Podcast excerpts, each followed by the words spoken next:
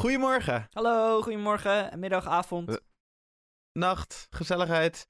Goedemorgen. Ah, nee, dat hadden we net ook al. Welkom bij Ochtendgeiten. De show dat jou een goede start van de dag of avond of middag in dit geval eh, hoort bij dit intro geeft. Eh, we gaan vandaag hebben over cryptics. En daarbij eh, neem ik, Jeroen, vooral een beetje het. Ik spit het onderdelft en ga praten over een heel mooi zeemonster wat we allemaal kennen. Maar Sam, die nu hi gaat zeggen. Hallo. Die gaat het hebben over vele andere cryptics. En ja, geniet er gewoon lekker van. Het is een beetje weer ander format dan normaal. Maar dat is juist het mooie van format. Het kan een beetje shiften. En dat is lekker tailor-made om het zo goed mogelijk bij het product te laten horen. Want dit is iets waar Sam heel veel van af weet. Heel veel passie voor heeft. En daar gaan we gewoon lekker naar luisteren deze aflevering. Dus veel plezier.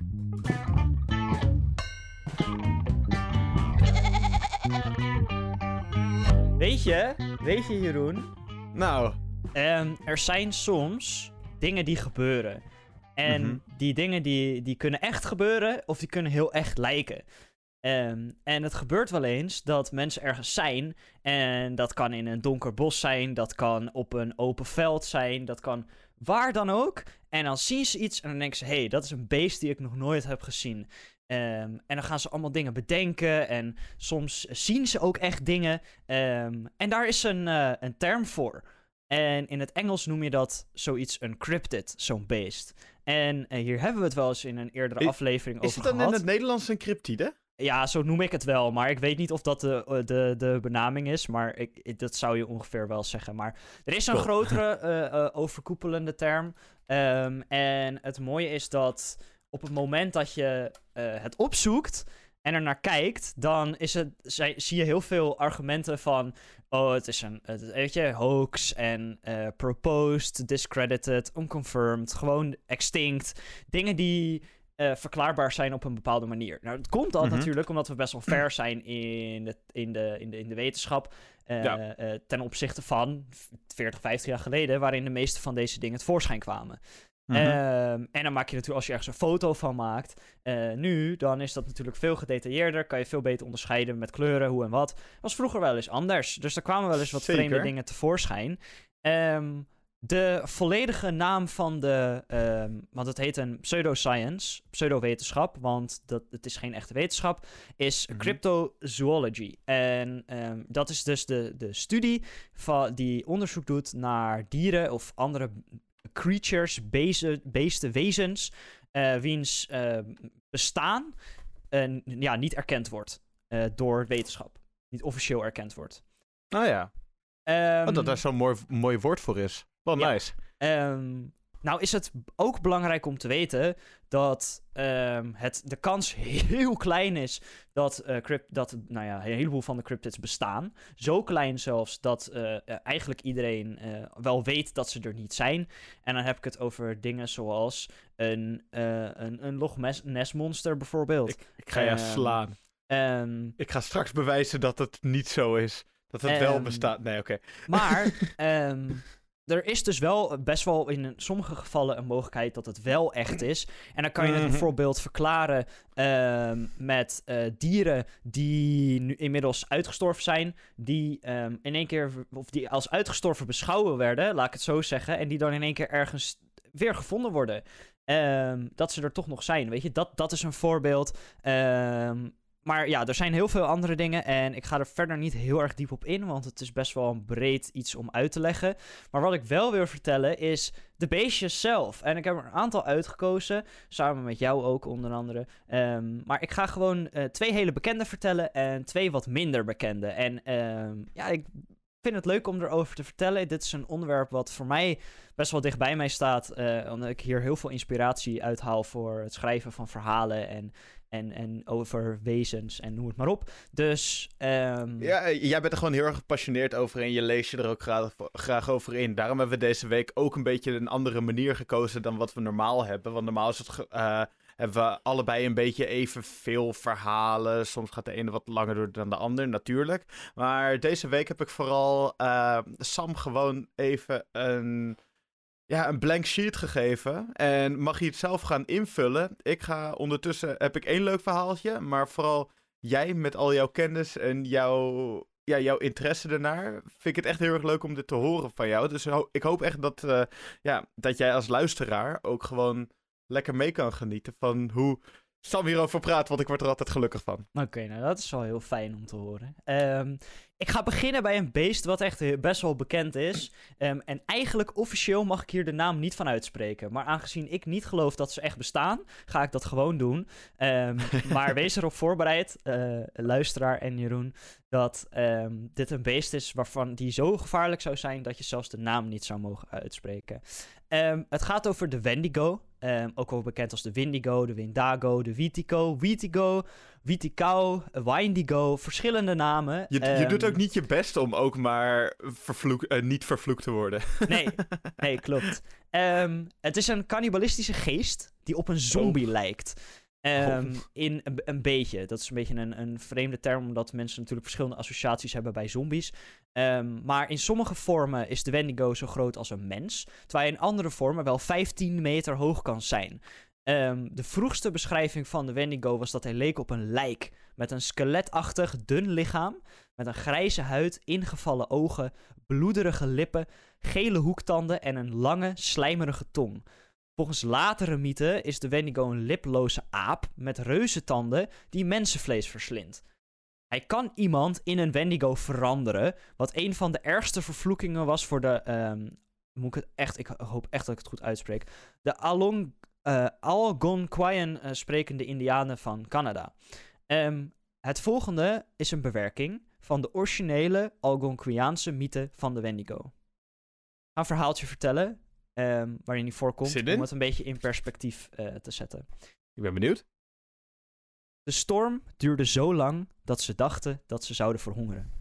Uiteindelijk, toen de wind en de dwarrelende sneeuw waren weggestorven tot slechts een herinnering, waagde de vader, die een dappere krijger was, zich naar buiten. De volgende storm stond alweer voor de deur, maar als er niet snel eten werd gevonden, zou de familie verhongeren. Met zijn mes en speer in de buurt waagde hij zich op het meest gebruikte wildpad en keek aandachtig uit naar een teken, in de pasgevallen sneeuw, van voetsporen van dieren of enige vorm van beweging. Het bos lag diep en vreemd stil onder een glanzende laag ijs en sneeuw. Elk zintuigelijk wezen lag diep in zijn hol en sliep. Toch ging de krijger op jacht, wetende hoe wanhopig zijn familie was geworden. Terwijl hij zich door de griezelige stilte bewoog, slechts onderbroken door de zachte streling van de wind, hoorde hij een vreemd sissend geluid. Het kwam van overal, maar ook nergens tegelijk. De krijger stopte, zijn hart klopte. Toen zag hij de met bloed doordrenkte voetafdrukken op het pad voor hem verschijnen. Hij greep zijn mes stevig vast, wetende dat er ergens een Wendigo naar hem keek. Hij had over de Wendigo geleerd bij zijn vader. Het was een groot wezen, zo groot als een boom, met een liploze mond en gekartelde tanden. Zijn adem was een vreemd gesis, zijn voetafdrukken zaten vol bloed en het at elke man, vrouw of kind op die het zich in zijn territorium waagde. En dat waren de gelukkigen. Soms koos de Wendigo ervoor iemand te bezitten, en dan werd de geluksvogel zelf een Wendigo, die jacht maakte op degene die hij ooit had liefgehad en zich te goed deed aan hun vlees. De krijger wist dat hij maar één kans zou hebben om de Wendigo te overwinnen. Daarna zou hij sterven. Of de gedachte was te verschrikkelijk om te bevatten. Langzaam verwijderde hij zich van de bloederige voetafdrukken en luisterde naar het sissende geluid. Was het sterker in één richting? Hij hield zijn speer in de ene hand en zijn mes in de andere. Toen barstte de sneeuwbank links van hem los en sprong een wezen zo groot als een boom op hem af. Hij dook opzij en rolde in de sneeuw, zodat zijn kleren bedekt waren en hij moeilijk te zien was in de grijze schemering van de naderende storm. De Wendigo draaide met zijn massieve gestalte en de krijger gooide een speer. Die trof de borst van het wezen, maar de Wendigo schudde hem gewoon van zich af alsof het speelgoed was. De krijger hurkte achter een kleine boom, terwijl het wezen in de gescheurde sneeuw zocht naar een spoor van hem. Misschien nog één kans. De Wendigo doemde op boven zijn schuilplaats. Zijn scherpe ogen zagen zijn contouren tegen de boom.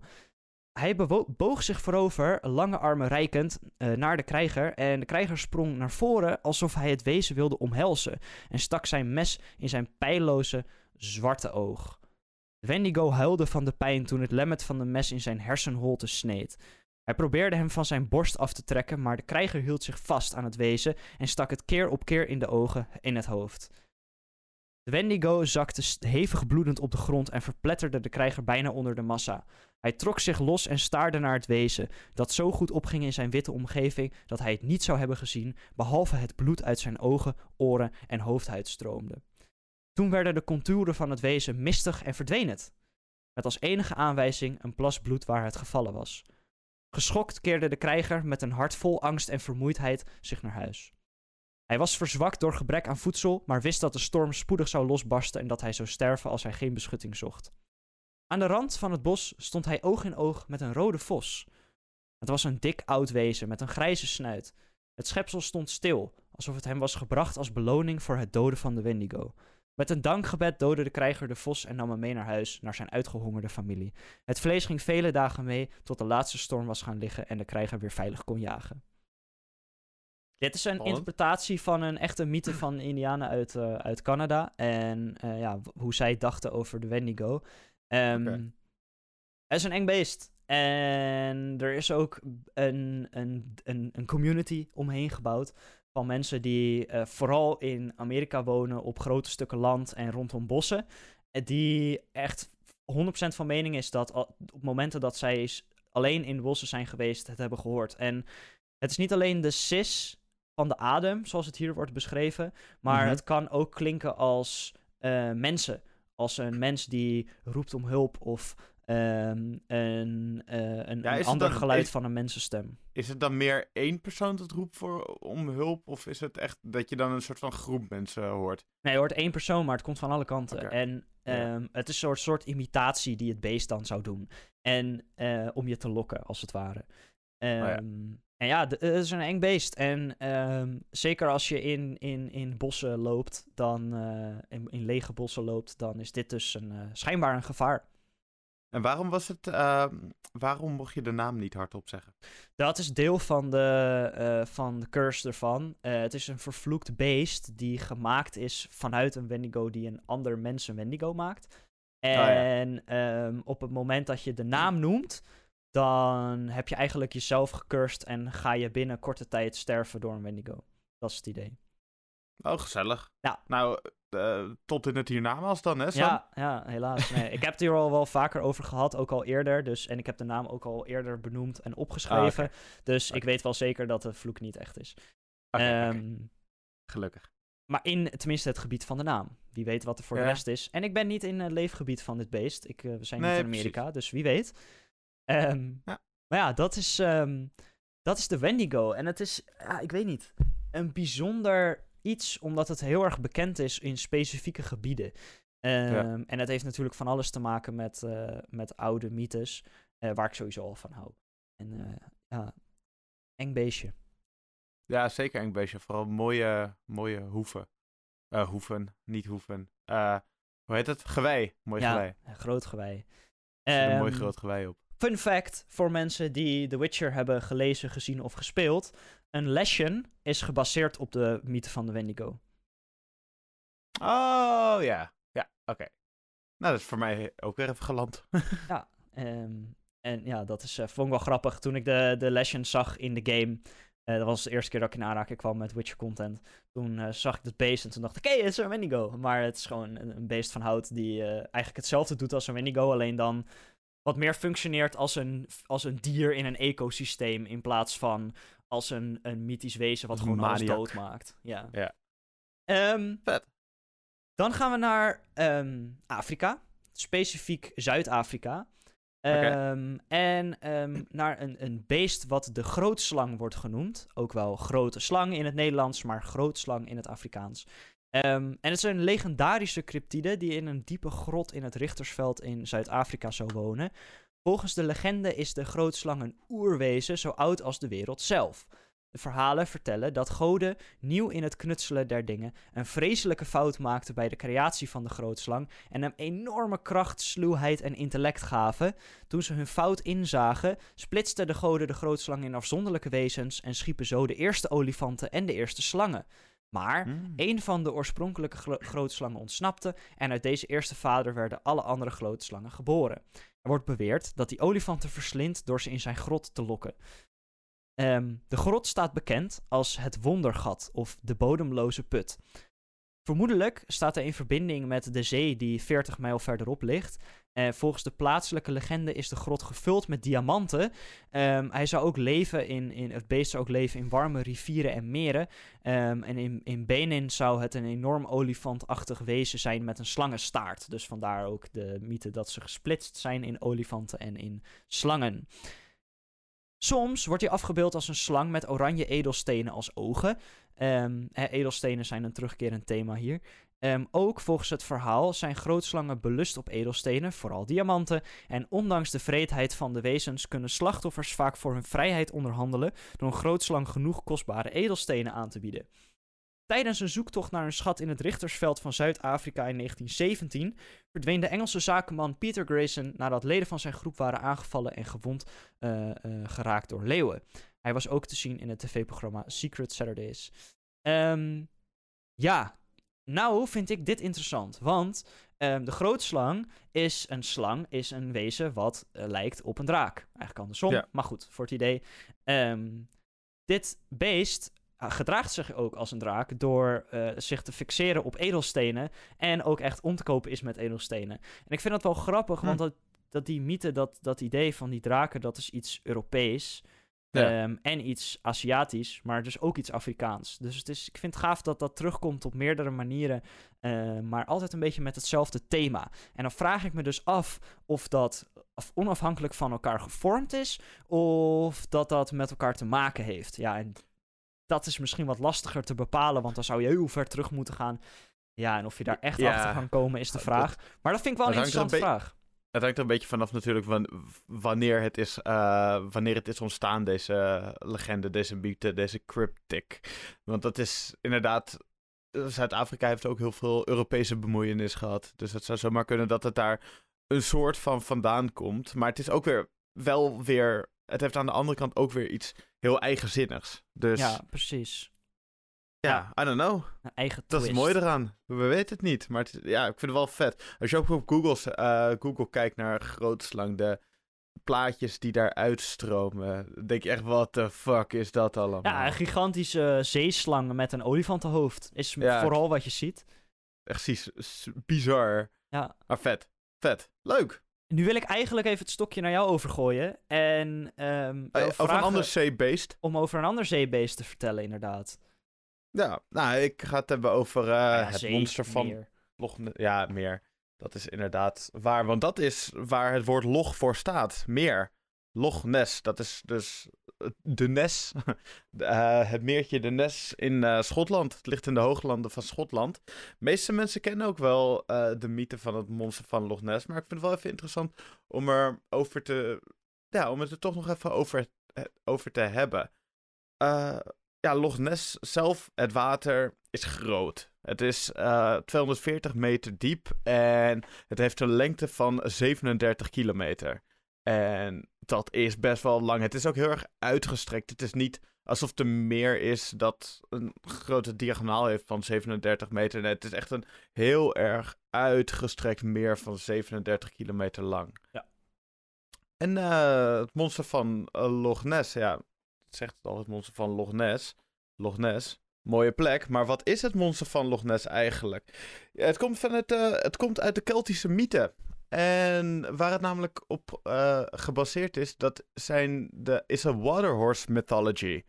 Eh, dus ze denken dat het monster van Loch Ness een waterhorse is. Nou, wat is een waterhorse? Een waterhorse is een jong paard dat in het water leeft en dat kinderen naar zich toe lokt. Dus kinderen die zien dat paard in het water en die willen er dan oprijden. En wanneer ze op, eh, op zo'n waterhorse zitten, dan kunnen ze er eigenlijk helemaal niet meer van af. En dan worden ze meegenomen onder water om daar opgegeten te worden.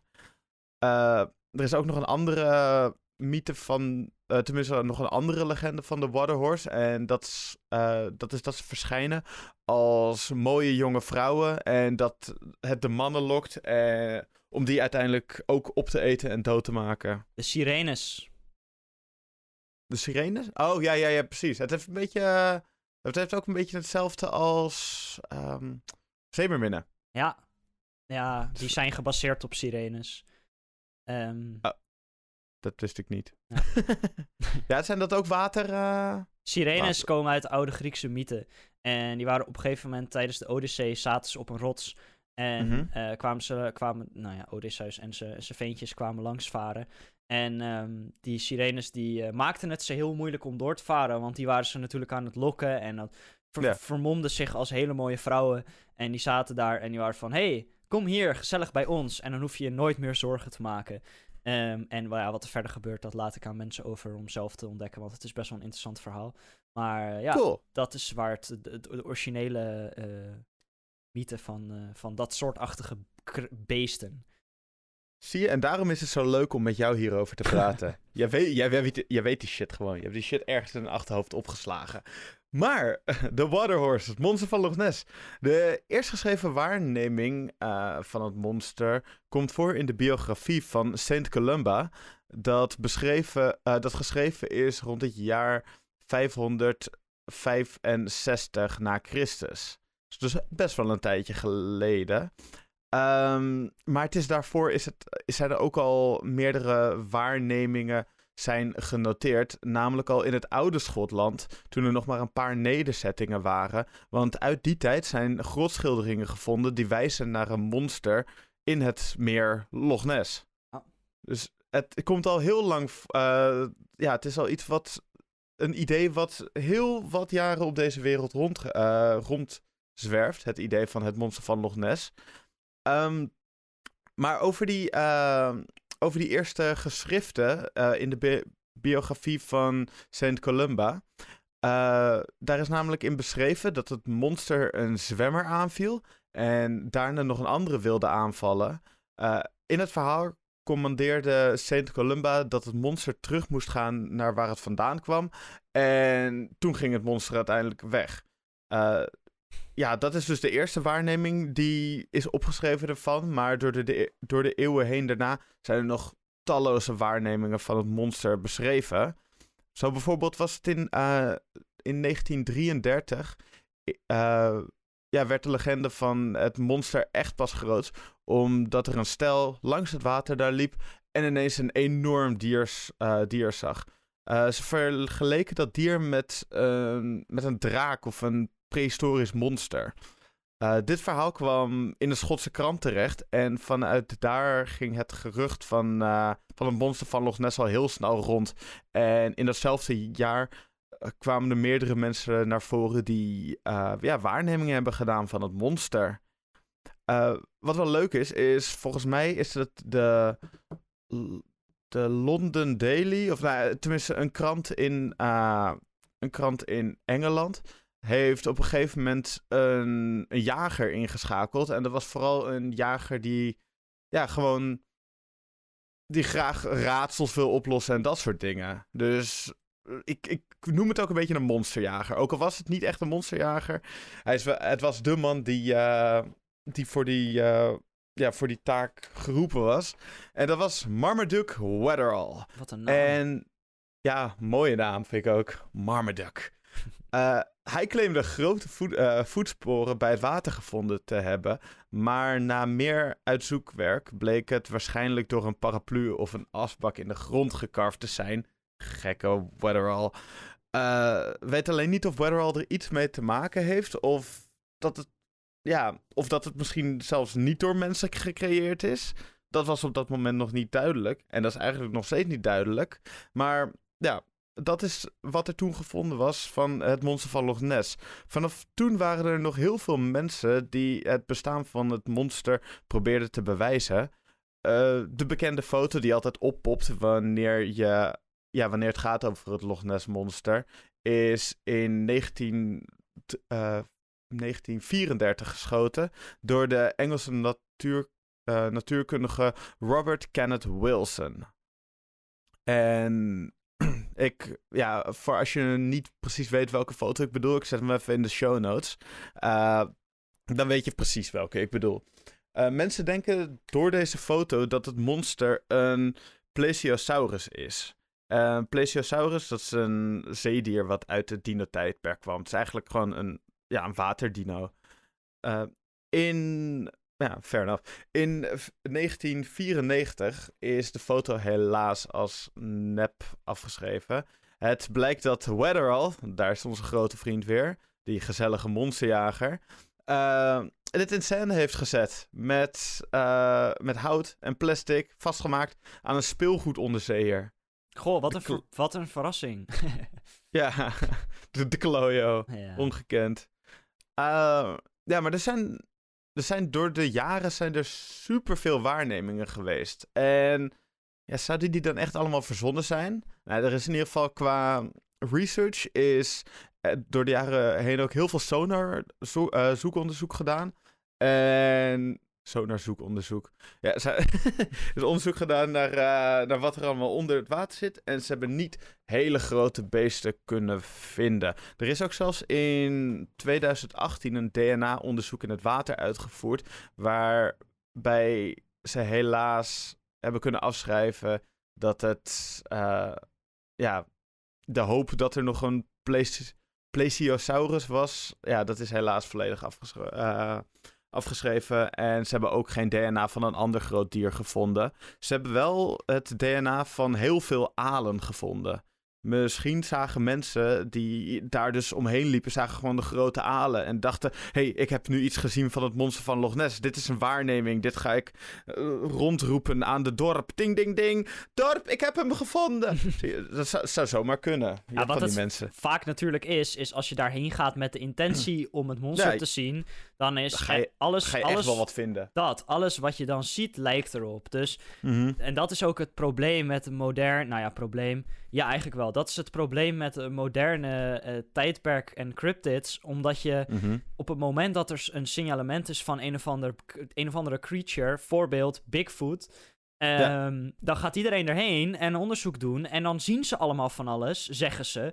Maar dat ja. komt omdat ze erheen gaan met de intentie om het te zien. En dan zie je ja, het precies. ook, want je brein maakt die dingen. En dat, ja, dat maakt het lastig, weet je, zoiets. Nou, dat, dat, dat is gewoon het grote ding binnen de psychologie. Is als je brein niet, iets niet gelijk herkent, gaat het ergens, uh, gaat het ergens maar bedenken dat het ergens thuis hoort. Dus als jij ergens naartoe gaat om te bedenken van ja, ik ga dit zien, ik wil dit zien, dan gaat jouw brein maar die opvulling geven aan iets wat het misschien niet zo 1, 2, 3 ergens anders kan, ja, aan kan vastbinden. Ja.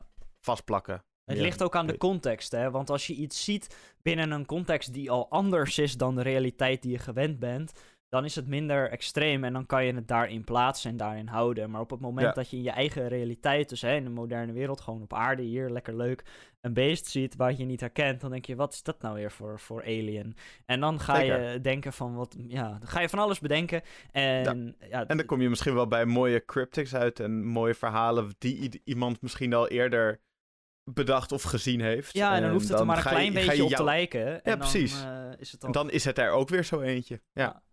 Hey, um, even als um, uh, tussendoortje. Of ja, jij nog wat wil vertellen als, uh, over Nessie? Uh, moet ik heel eventjes nadenken. Wilde ik... Da... Ja, dat, dat was inderdaad uh, over het DNA waar ik net was. Dat is dat... Uh, de, hoe DNA-onderzoek in elkaar zit, is... Je kijkt naar, naar wat er allemaal in het water zit. Een DNA wat daar rond kan zwerven. En dat gooi je dan in een test. En dan ga je kijken of dat overeenkomt met een dier... Wat je, waar je al DNA van hebt. Maar uh, ze hebben dus DNA-onderzoek gedaan. Is niks uitgekomen.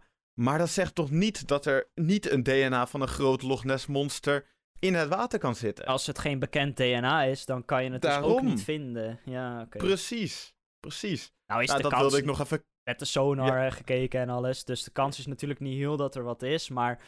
Het Je mysterie het blijft altijd. Maar dat vind nee. ik ook het, het leuke van cryptids. Precies, precies. Dus uh, ja, misschien als je een keertje daar rustig langs aan het lopen bent en je kijkt naar het water, dan kan je, en je ziet er ineens een paard uitkomen, dan zie je de seahorse, die het, zie je recht voor je, moet je er niet naartoe lopen. Ja, dan ga je dood. Daar wil ik trouwens nog wel wat op toevoegen. Um, Over de seahorses. Voordat we doorgaan naar het volgende, volgende deel. Yes. Ehm, Er is een terugkerend thema in mythen, verhalen, sprookjes van beesten die in het water zitten, die kinderen lokken. Specifiek kinderen. Ehm, dat is bedacht om ervoor te zorgen dat kinderen niet dicht bij het water zouden komen. Als Nee, je dat sprookje vertelt, gaat een kind niet heel erg snel naar het water toe. Logisch. Ehm, maar dat heeft er dus voor gezorgd dat je zo'n mythe op verschillende plekken in de wereld uit zichzelf is gevormd. En allemaal op een andere manier is gaan uiten. Ehm, hè, ik heb net verteld over de sirenes, nou, Loch Ness Monster, maar ook La Lorena, al zeg ik het niet goed. Ehm, weet je, al- allemaal dat soort beesten. Ehm, En dat zorgt er ook voor, omdat het zo'n belangrijk deel is geweest van een aantal generaties ehm, van hun jeugd, dat, is dat, het dat je het nu terug ziet komen in een heleboel mediavormen. Er zijn eh, bijvoorbeeld in heel veel verschillende horror- en thriller verhalen terugkerende thema's met creatures die uit het water komen om mensen daarin te lokken. Ja. Ehm, En ja, het is een cool concept. Je ziet, het komt zelfs al uit oude koning Arthur dingen met The Lady of the Lake. En weet je, er, dat je ziet het overal in terug. En eh, dat is toch wel een ding dat mensen natuurlijk naar water kijken en het niet 100% kunnen begrijpen, omdat we er nog niet 100% van begrijpen. Nee, Ehm, precies. en dat geeft een soort bepaalde, bepaald mysterie, wat al automatisch een soort trigger is voor het bedenken van zo'n mythe. En eh, ja, dat eh, wil ik er even bij gooien, want dat is, je ziet dat echt in heel veel dingen terug. En als je daar een beetje op gaat letten, dan eh, kom je het echt overal tegen. Ja, dat, maar dat klopt inderdaad. Het is, dat is echt heel erg leuk hoe, dat, hoe je dat ziet vormen en hoe dat, hoe dat alles weer mooi bij elkaar komt bij hedendaagse media en technologie. Ehm, ja, dat was mijn eh, toevoeging. Ik wil even naar, het, eh, naar een, een heerlijk eh, een, receptje waarschijnlijk. Ehm, want ik heb hem niet uitgekozen. Maar ehm, Ik wel, jij wel. zeker. Het was. ik zat te denken, hoe, we willen toch een beetje aan het thema ook houden. Dus ik wou zeggen schransen met ganzen. Schrok- Goede variatie als we het een keertje over ganzen hebben. ja, precies, precies. Schrokken met bokken. Dat, eh, ik, zat te ik, ik zat te denken op wat voor manier kunnen we het er mooi eh, aan toevoegen. En toen dacht ik ineens aan, een, aan iets wat ik heb gemaakt, wat een beetje kan lijken op verst ge... Verst ge... Nee, oké, misschien niet. Ik, eh, ik wou zeggen vers gepakte breinen. Misschien... Ja, nee, dat gaat ook een beetje... Nee, laat maar. Laat maar. Het is gewoon een lekker gerecht wat ik nu ga opnoemen. Het is, ja, omdat we een beetje horrorverhaaltjes en dat soort dingen, is het eng lekker. Dus nou, zo heb ik het toch weer Oké. Oké. aan, aan het onderwerp gehangen. Oké, wat je nodig hebt voor deze heerlijke Spaanse vispan met linzen, is, eh, daar gaat hij, 100 gram chorizo worst. En dan gewoon lekker in één stuk, niet kleine plakjes. Chorizo. Nee, chorizo. Chorizo. Nou, ik, als, als ik dat tegen mijn eh, Italiaanse schoonfamilie zeg, dan, dan gaan ze me ophangen, denk ik. Eh, goed, ik onderbrak je. Ga, ga het door. dus 100 gram chorizo. Ik zei dus ook altijd chorizo, maar ik, ik, ik ben een beetje bang om chorizo nu te zeggen. ik zeg nu maar chorizo. Worst, maar daar dus 100 gram van aan, een stu- eh, aan, een, aan één stuk. Niet plakjes, zoals ik net al zei. Eén ui, eh, één rode paprika, 800 gram gepelde tomaten in blik, 800 gram bruine linzen in blik, eh, 375 gram kabeljauwfilet, mag diepvries kabeljauwfilet zijn, en 20 gram verse platte peterselie. Het zijn niet te veel ingrediënten dus. Het is voor vier personen. Het is best wel makkelijk te maken. Ik heb een eh slow cooker. En met de slow cooker, dat, dat maakt het nog wel even lekker omdat je het langer kan sudderen. Maar hoe je dit op de normale manier zonder slow cooker maakt, dat is... eh, snijd chorizo in stukjes, verhit een hapje pan en bak de chorizo... Ik zei net chorizo, shit. Pak de, eh, en bak de chorizo in circa twee minuten uit.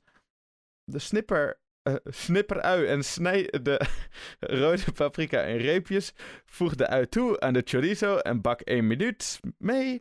Voeg de paprika toe en bak 3 minuten mee. Meng de tomaten door. Laat de linzen uitlekken. Spoel ze af en voeg ze toe. Raar. Breng ze in het geheel aan de kook. En snijd de ontdooide, kabeljauwfilet in stukken. En leg deze tussen de linzen. Stoof de vis met de deksel op in de pan 10 minuten gaar. Snijd de peterselie fijn. Voeg zout en peper naar smaak toe. En bestrooi nog eventjes lekker met peterselie. Het is echt heel erg lekker. Ik zou het vooral aanraden met of stokbrood of naam. Die, die dingen erbij, dat Kun is je echt... er lekker indouwen en een beetje Ja, precies. zo. Ja, nice. Maar dat is, dat is super lekker. En als je het met slowcooker koeker maakt, dan moet je het eerst twee uur laten eh, sudderen in de slowcooker zonder de vis erbij. En daarna nog één, eh, en die moet je op de laagstand doen. Daarna moet je eh, één uur vis erbij op hoge stand. En dan heb je echt een heel erg lekker gerechtje. Pro ik heb tot nu toe elke keer met slowcooker gemaakt. Het is echt heel erg lekker. En dan gewoon met naan erbij en gewoon lekker dopen en gewoon lekker vreten. Nice. Geniet ervan. Klinkt goed. En een, eh, een, een thematisch eh, in, in- op meerdere manieren, want het kan wel eng lekker zijn. Maar er zit ook wel Ja, wat vis in. hè? We in. hebben over wat, eh, wat, wat, wat zeebeestjes. Ja, zeker. Ehm, waaronder Nessie uit het meer Loch Ness en de grootslang. Maar ehm, ik wil ook eventjes stilstaan bij Bessie.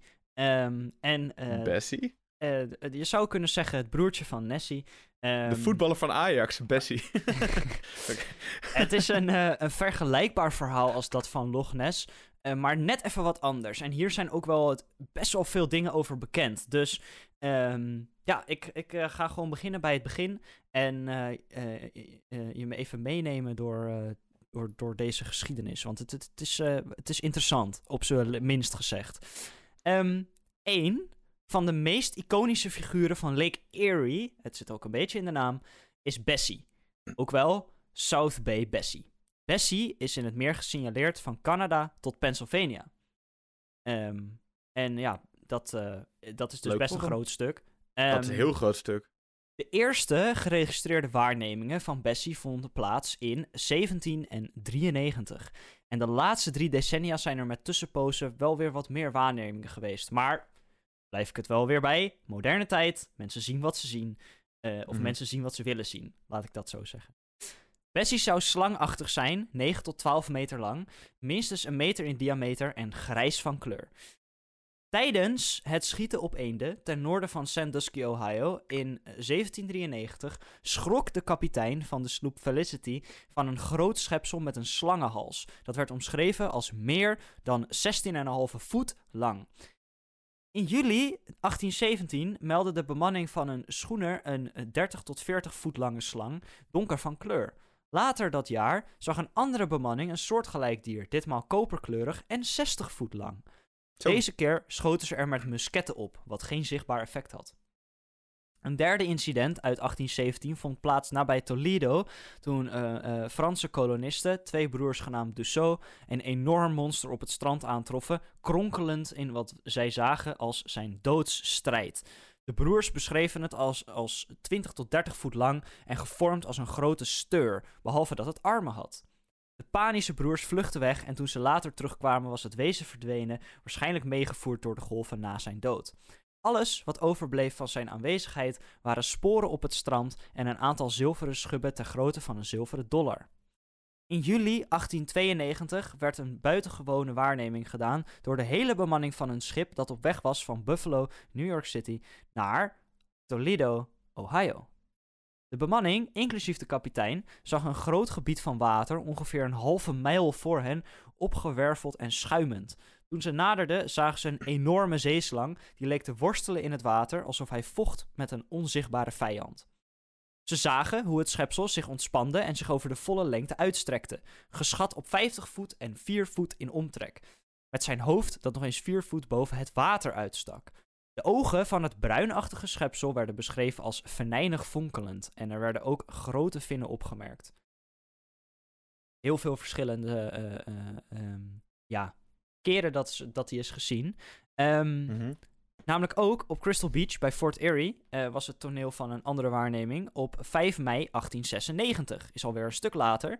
Deze keer Mhm. waren er vier ooggetuigen die 45 minuten lang toekeken hoe een wezen van 30 voet met een hondachtig hoofd en een puntige staart het water opjoeg, terwijl het rondzwom tot het uiteindelijk voor het vallen van de avond verdween. Oké. Ehm Huron Lagoons Marina heeft een beloning van 100.000 dollar uitgeloofd voor de vangst van Bessie, dood of levend.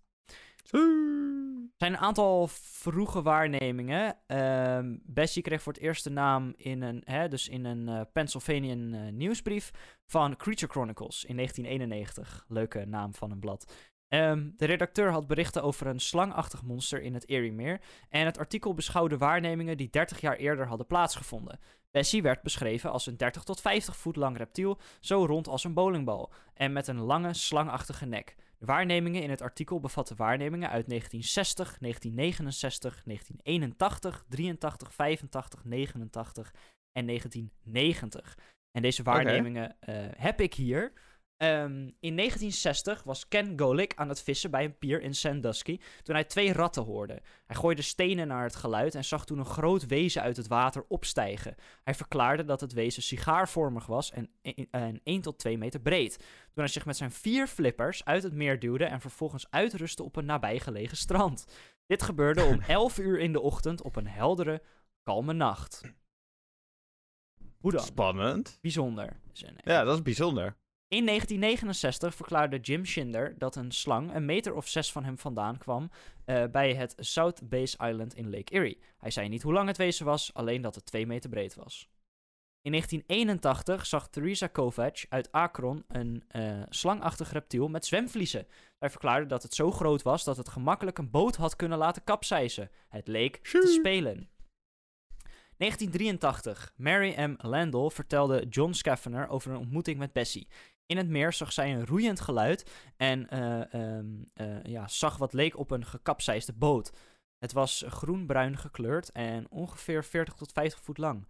Landell eh, realiseerde zich dat het geen boot was, maar een soort dier. Had een lange nek en zijn oog was zichtbaar vanaf de zijkant.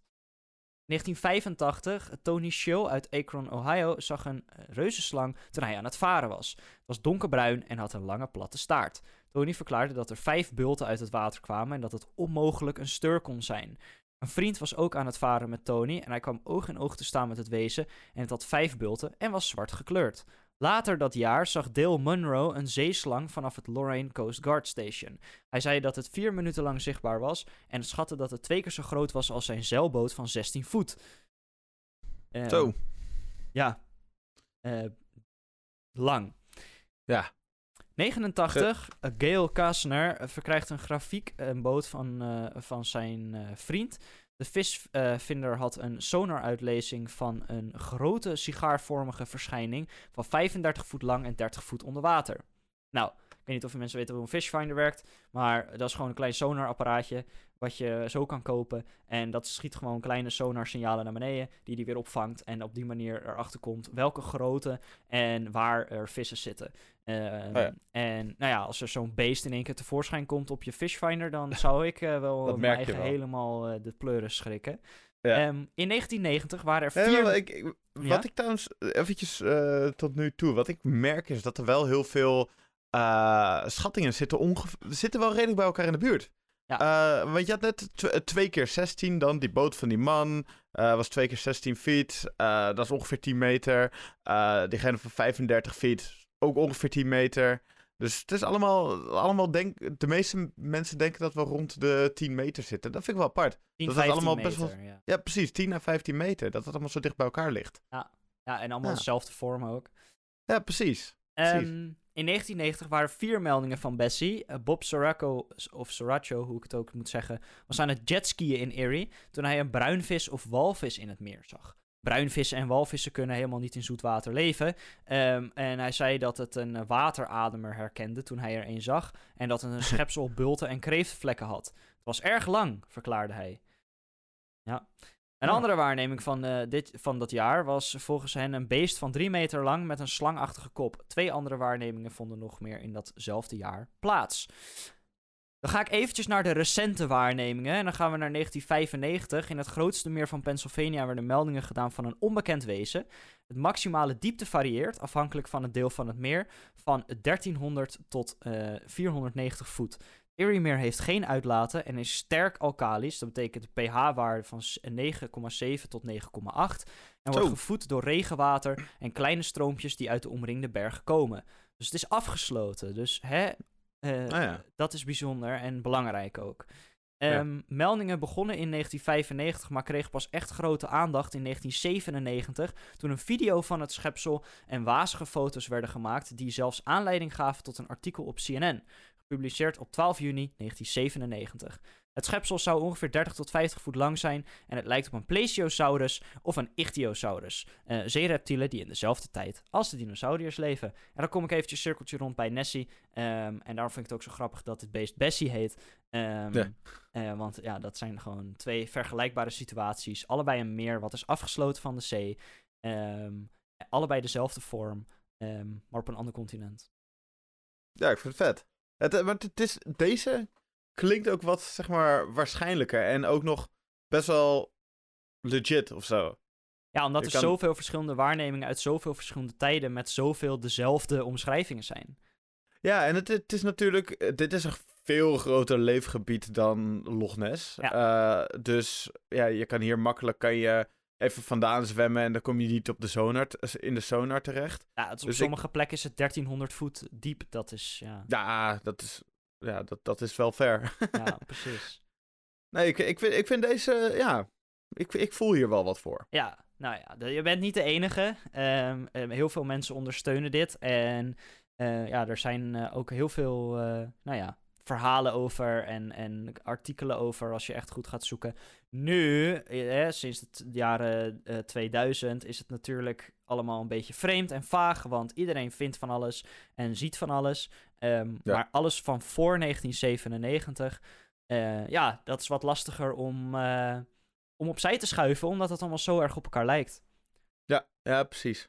Zonder dat mensen echt met elkaar konden communiceren op dat in dat, dat tijdperk. Er waren wel gewoon natuurlijk hè, uh, uh, manieren om te communiceren. Maar je had geen social media, er was geen internet. Allemaal dat, die dingen die, die waren gewoon niet, uh, ja, niet aanwezig. Niet in de nee, schaal klopt. zoals het nu is, laat ik het zo zeggen. Ja, precies. Um, ik wil eventjes naar een beest wat niet in het water leeft. En deze vond ik best wel grappig. Dus ik, ik, ja, ik vind dit wel een, uh, een heel erg uh, gaaf beest. Uh, trouwens, bij deze is het helemaal belangrijk. Maar bij de rest hebben we ook afbeeldingen in de show notes staan. Maar bij deze is het uiterst belangrijk. Omdat de tekeningen van dit beest echt geniaal zijn. Ik spreek over de cactuskat. Um, en hier is een, een naam voor.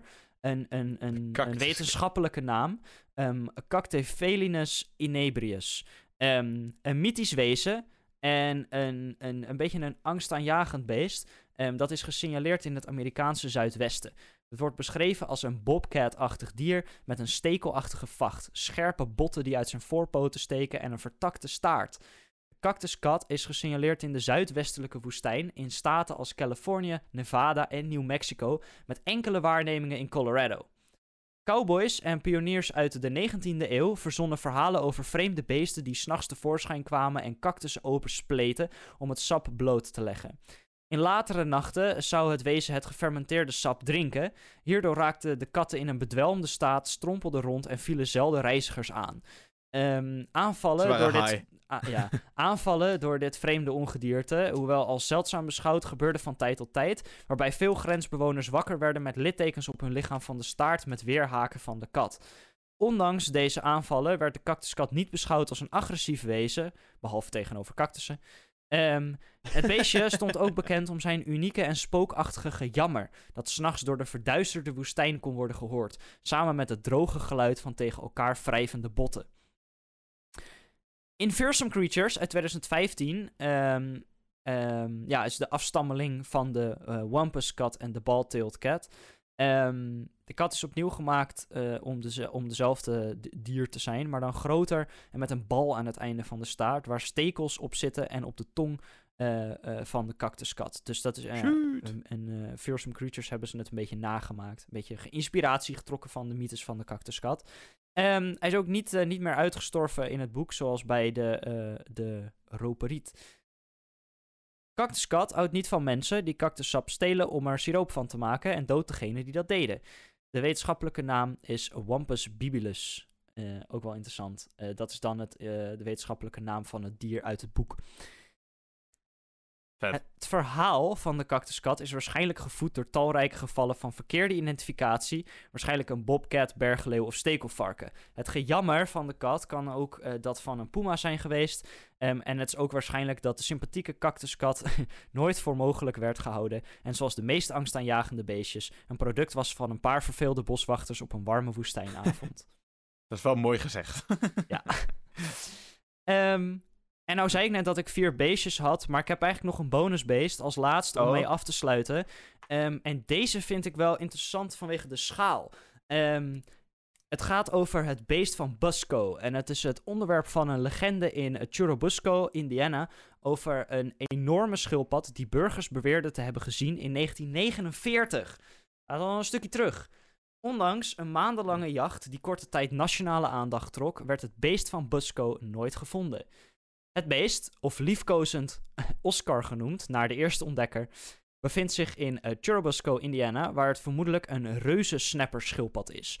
Volgens de legende begint het verhaal in 1898 toen een boer genaamd Oscar Fulk een reuzenschildpad zou hebben gezien in het meer van 7 hectare op zijn boerderij bij Churubusco.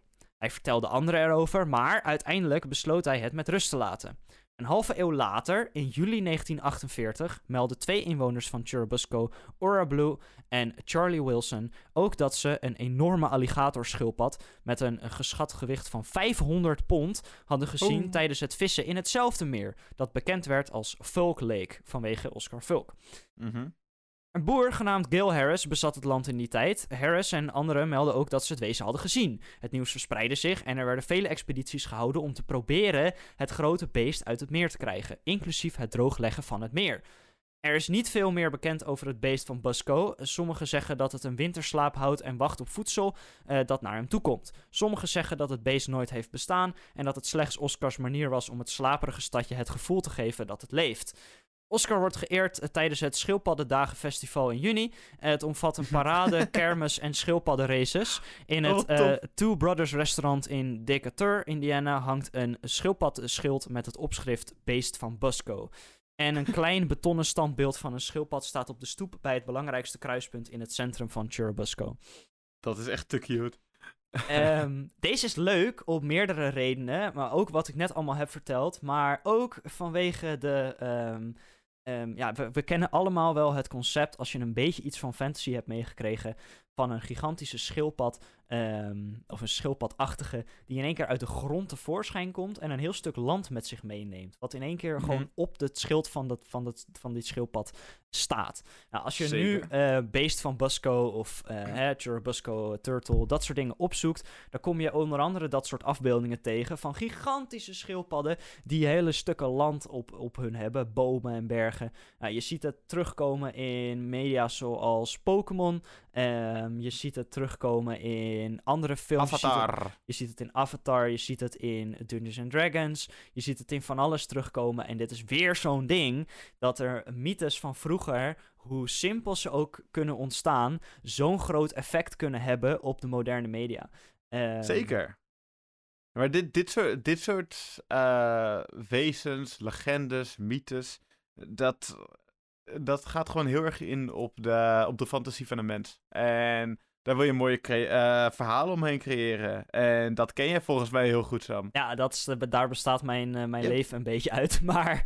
ehm, Precies, het is gewoon, in, eh, het, is gewoon het halen van inspiratie uit dat soort beesten. Ja. En dus daarom zie, ik, zie je ze ook steeds terugkomen. Ja, en ook omdat het natuurlijk een, een, een, een soort van aura van mysterie heeft. Ehm, Ja. En dat intrigeert de mensheid. Zeker, zeker. Altijd verder kijken dan, dat, dan de dingen die je voor je kan zien en naast je kan zien, die je eigenlijk echt kan zien. Kijken of wat voor mogelijkheden er nog meer zijn en die zelf ook verzinnen. Ja, en daarmee eh, sluiten we denk ik af. En ehm, wil ik iedereen eh, eh, eigenlijk nog... Ja, ik ga nog één ding zeggen. Mocht je nou hier meer informatie over willen... Er staat een linkje in de show notes naar de wiki. Eh, dat is natuurlijk allemaal ehm, tussen aanhalingstekens informatie. Ehm, het zijn verhalen, het zijn ehm, eh, rapporten. Neem het niet te serieus, maar het is wel heel interessant om even doorheen te scrollen. En er staan echt wel wat interessante dingen tussen. En ik zal ook echt wel vaker het hierover hebben, want het, het- je ziet het gewoon in heel veel dingen terug. Dus je kan Ja. het gewoon heel makkelijk eh, herkennen, ook als je er wat van weet. Ehm, en dat is leuk, want mythen, ja, die, die hebben gewoon een veel grotere invloed op het dagelijks leven dan, eh, dan heel veel mensen denken. Nee, precies. Ehm, ja, heel veel plezier met wat je Ja. dan ook gaat doen deze week, vandaag. eh, wanneer je dan ook eh, wat gaat doen. Misschien heb je wel een leuk concert of heb je eh, een, eh, iets met je dichtclub. Of ga je wel, eh, weet ik veel, sporten, gitaar spelen, viool spelen. Alles wat je ook maar in je leven kan doen. Alles wat je doet en wat je leuk vindt, geniet er even extra leven. van deze week. Sta even stil Sorry. bij de kleine dingen. en succes ook als je belangrijke dingen moet doen deze week. En ja, probeer ervan te genieten. Laat ik dat Ja, en, en blijf, fa- blijf fantaseren. Ja, heel belangrijk. Tot eh, volgende week. Voordat we gaan, hebben we nog iets heel belangrijks. En we hebben het hier al eerder over gehad. Ehm, en nu is hij beschikbaar. De playlist, de Spotify playlist. ehm, met al onze aanbevelingen. We geven elke week allebei een liedje weg ehm, aan de luisteraar en aan elkaar. Om er lekker van te genieten. En die staan allemaal met elkaar in een playlist. Eh, die playlist Zeker. die kan je vinden via allemaal manieren. In de show notes, eh, via ons Instagram. eh, nou ja, noem het maar op. Je kan, verzin het maar. Ehm, Lekker. loop buiten en, en steek je ving- een natte vinger in de lucht en je vindt de playlist. Ehm, en dat is ook de bedoeling, want iedereen moet gewoon lekker kunnen genieten van lekkere liedjes. En, Zeker. ehm, we willen onze passie voor muziek gewoon lekker gaan delen. Dus dit vinden we echt de ultieme manier om dat lekker te gaan doen. Lekker Ja. liedjes luisteren. Ja, en eh, we hebben een, een aflevering gemaakt heel lang geleden over muziek. En daarin hebben we dit ook gedaan. Dat vonden we zo leuk dat we het nu weer doen. En dan nu gewoon voort gaan zetten. Dus, liedjes van deze week. Jeroen, ehm, wil jij beginnen met welk liedje jij eh, iedereen aanraadt? Ja hoor, dat is... i- Geen helemaal fout nu. Inexplicable. Hell yeah. Van wie? En dat- van... ehm, dat, ben ik heel, dat weet ik heel goed. Dat is namelijk van The Correspondence. Ja, lekker liedje. Ehm goede groove, dus lekker luisteren. Staat in de playlist Ja. samen met de liedjes van vorige week. Heb je er Ja, nog heeft wat een over kwijt?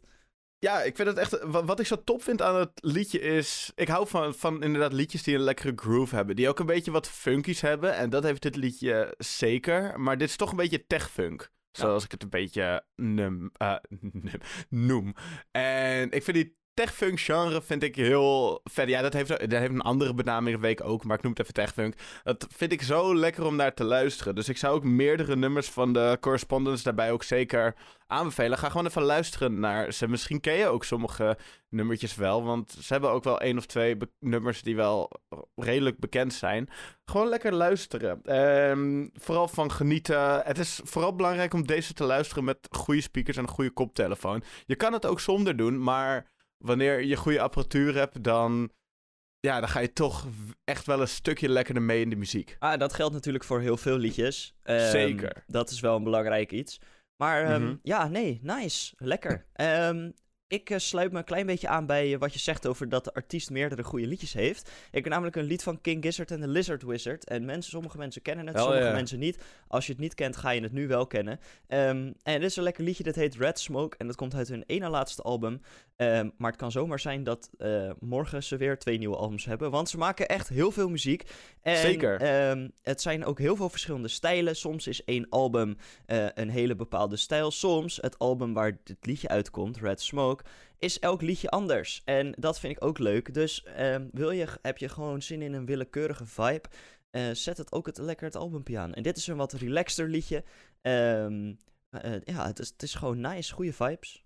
Ja, ik, ik had hem ook geluisterd. Ik ken het album ook. Het is zo'n lekker rustig liedje om gewoon lekker te luisteren. Want King Gizzard heeft heel veel nummers die, toch, die wat harder en heftiger zijn. Ze hebben van alles. dan, ze hebben echt van alles. Het is zo, zo een vette band. En dit nummertje is dan inderdaad het wat meer rustiger. Maar het, het werkt zo goed. Het klinkt zo mooi gelaagd. En ik vind de production value van King Gizzard en The Lizard Wizard is echt gewoon zo enorm Ja. goed. Zeker. Eh, dus lekker luisteren. Lekker van genieten. En dan eh, gaan we het volgende week lekker over kruidjes hebben. Kruiden en kruidjes en dergelijke. En alles wat daarbij bij hoort. Dus eh, Ja, ja. tot volgende week. Yo.